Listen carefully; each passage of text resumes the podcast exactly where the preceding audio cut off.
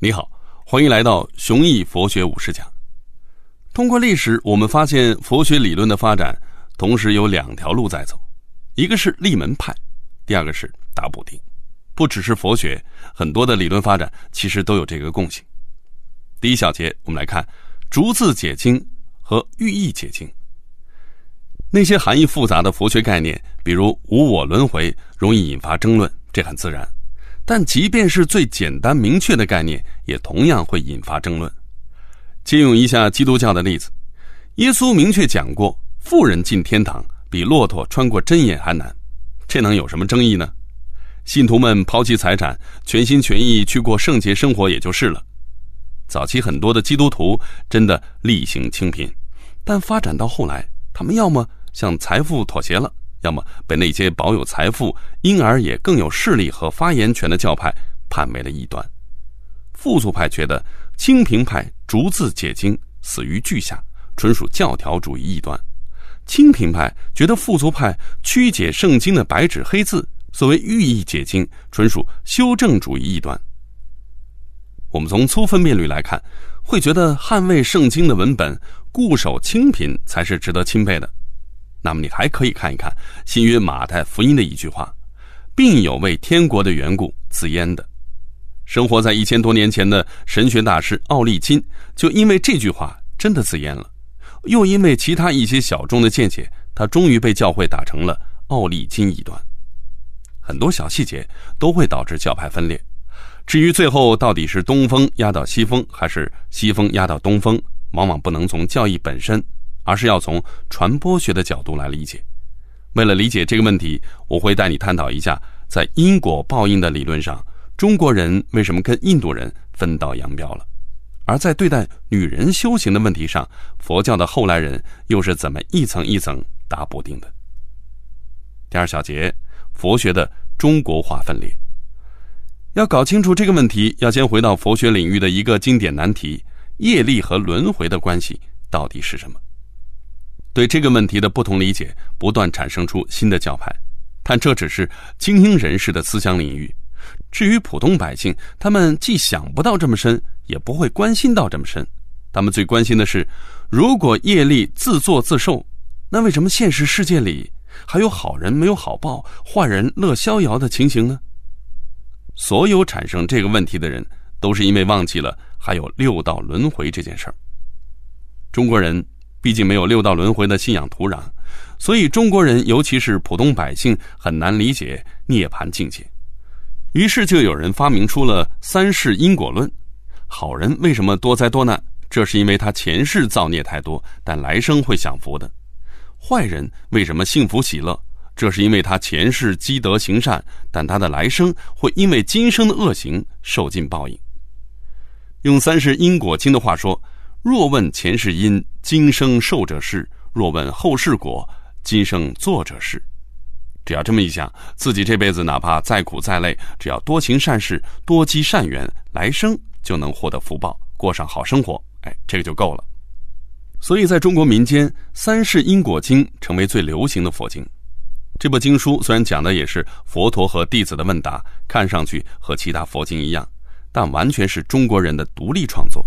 除了讲善恶有报之外，还劝人孝顺父母。但是如果严守缘起论，就会发现一个难题，那就是如果因果律的齿轮真的环环相扣的话，那么宇宙也好，人生也好，任何时刻会发生什么事，一定全是注定好的。人不可能拥有自由的意志。佛陀那个年代的人，并不会把问题想得这么深入。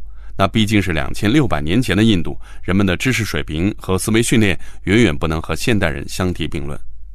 佛陀当年没能说清的这个问题，这就等于在核心教义上埋下了一个隐患。随着时间的流逝，教派发展，这个问题迟早会被人发现。第三小节，如何给女信徒打补丁？佛陀当年埋下的理论隐患，并不止这一个。佛教经典之所以众说纷纭，是因为要答的补丁太多，不同的专家对补丁的打法有不同的意见，还有旧补丁上发现了漏洞，又需要新补丁来弥补。另一种情况是，时代变了，社会结构变了，文化背景变了，教义不跟着变，就没法存活。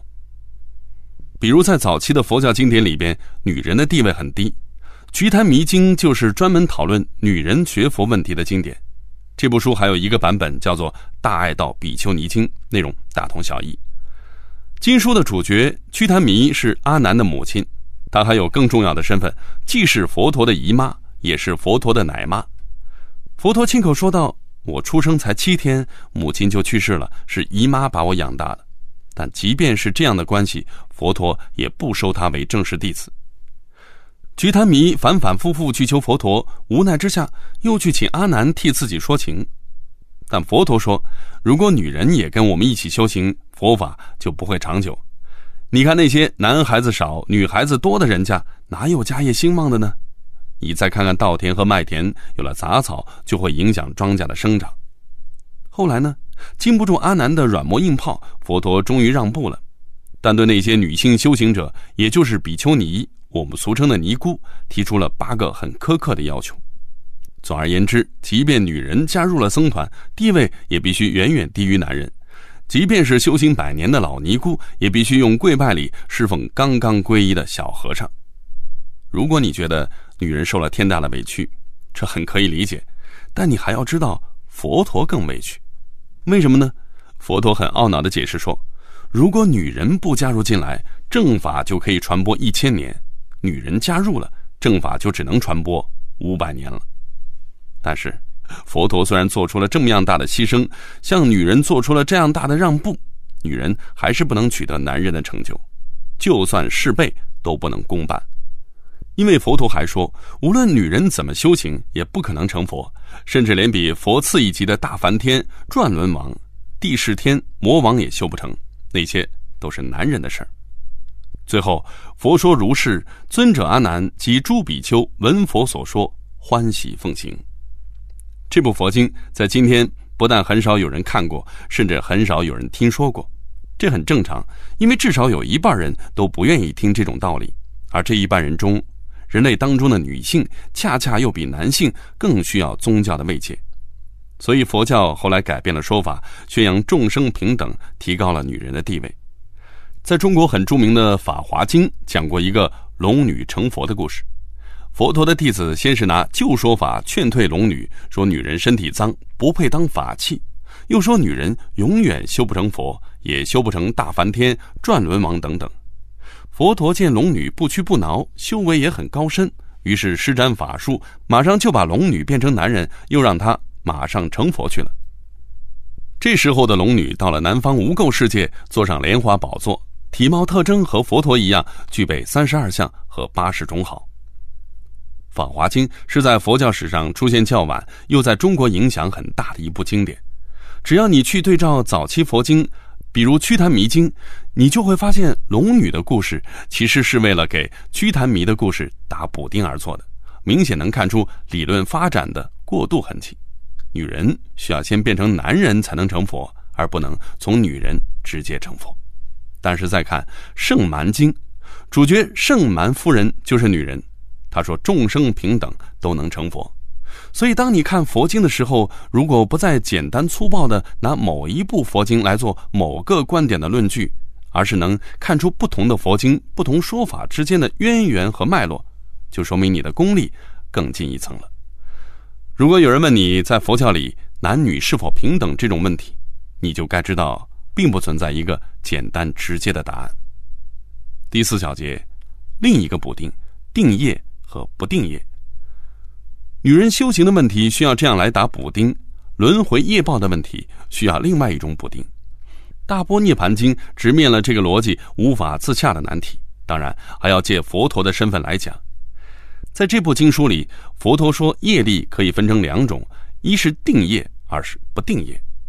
换言之，你种下的前因，既有可能导致确定性的结果，也有可能导致不确定的结果。这就给自由的意志留出了空间。再有，人也分成两种：一个是有智慧的人，二是愚蠢的人。前者就算做了很重的恶业，也能得到较轻的果报；后者就算做了很轻的恶业，也会遭受很重的果报。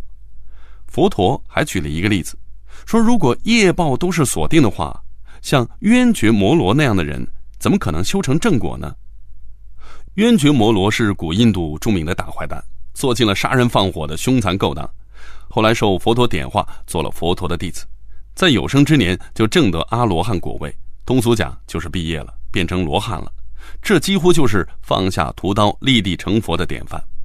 但他做了那么重的恶业，哪可能这么轻松、这么快就把业报终结了呢？所以，最合理的推断是，他是一个有慧根的人，能使众业轻受。这也证明了业力的齿轮并不是严丝合缝的。佛陀特别指出，正是因为业力具有不确定性，这才使佛法修行成为有意义的事情。我们能从这段话里看到顿悟理论的影子。这部《大波涅盘经》在中国历史上影响很大，但也和《心无义》一样，引发过高僧阵营里的激烈论战。好，我依然留下了一道思考题：一种学说发展下去，难免会在不同的环境里被不同资质的人做出不同的解释。那么，到底应该坚持还是应该变通呢？坚持的话，会不会太教条了？变通的话，会不会是一种背叛？好，到这儿，我们这门课关于佛学的基本问题的单元就结束了。我带你从梳理历史开始，进入学习佛学的基本路径，带你了解了佛学看待世界的基本态度，佛学大厦的理论基石。顺着这个脉络，你也大致了解了佛学的法统之争和后世佛学理论发展的两条路径。你要记住两个词：乐观厌世和缘起性空。这是理解下一个单元佛学基本概念的两把钥匙。下一讲我们学习无我这个佛学的核心概念。准备好烧脑了吗？